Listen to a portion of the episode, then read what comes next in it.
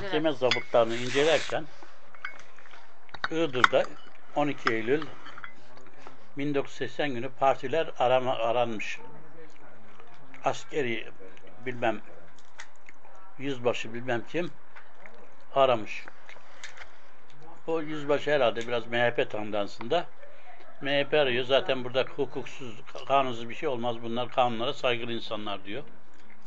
Adalet Partisi'ni arıyor. Bunlar da suç unsuru bulunamadı diyor. Cumhuriyet Halk Partisi de üye kayıt defterinde bi- bildiği yabancı diller Rusça Kürtçe diye yazdığı için ihaneti vatanine kanununa girer. Bu Cumhuriyet Halk Partileri ihaneti vatanine kanununa göre vatan hainidirler. Ve Türkiye'yi bölmek istiyorlar. Bunların ihanet vatanine kanununa göre yargılanmaları ve asılmak suretiyle idam edilmeleri Yuh. gerekir diyor. Kürtçe biliyor. Rapor vermiş. Hakim yüzbaşı. mezhepeyi incelemiş. Bunlar da şeriatçı diyor. Şeriatçılık da bölücülük diyoruz.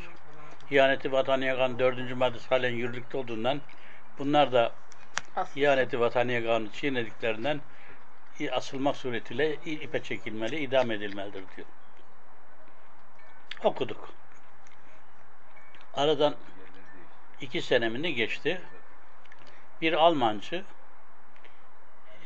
konuşmasından dolayı İzmir Sıkı Yönetim Mahkemesi'nde yargılanması gerekiyor 163'ten. Bana geldi, Şener abi avukatlığımı al dedi. Peki dedim. Onunla İzmir'e gittim Sıkı Yönetim Mahkemesi'ne. Bir baktım mahkeme başkanı o savcı vaktiyle A- Iğdır'daki.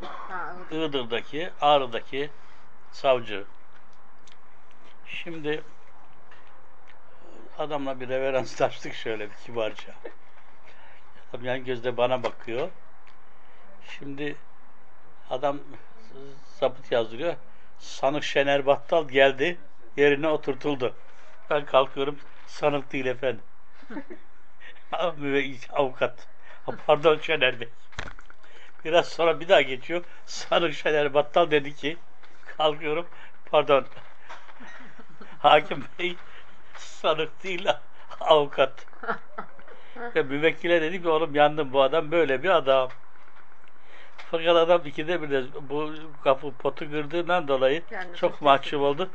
Adama beraat verdi. Ana iyi rast, rast gelmiş. Şans işte. Yani biz dedim ki bu kadar ön yargılı bir adam bu.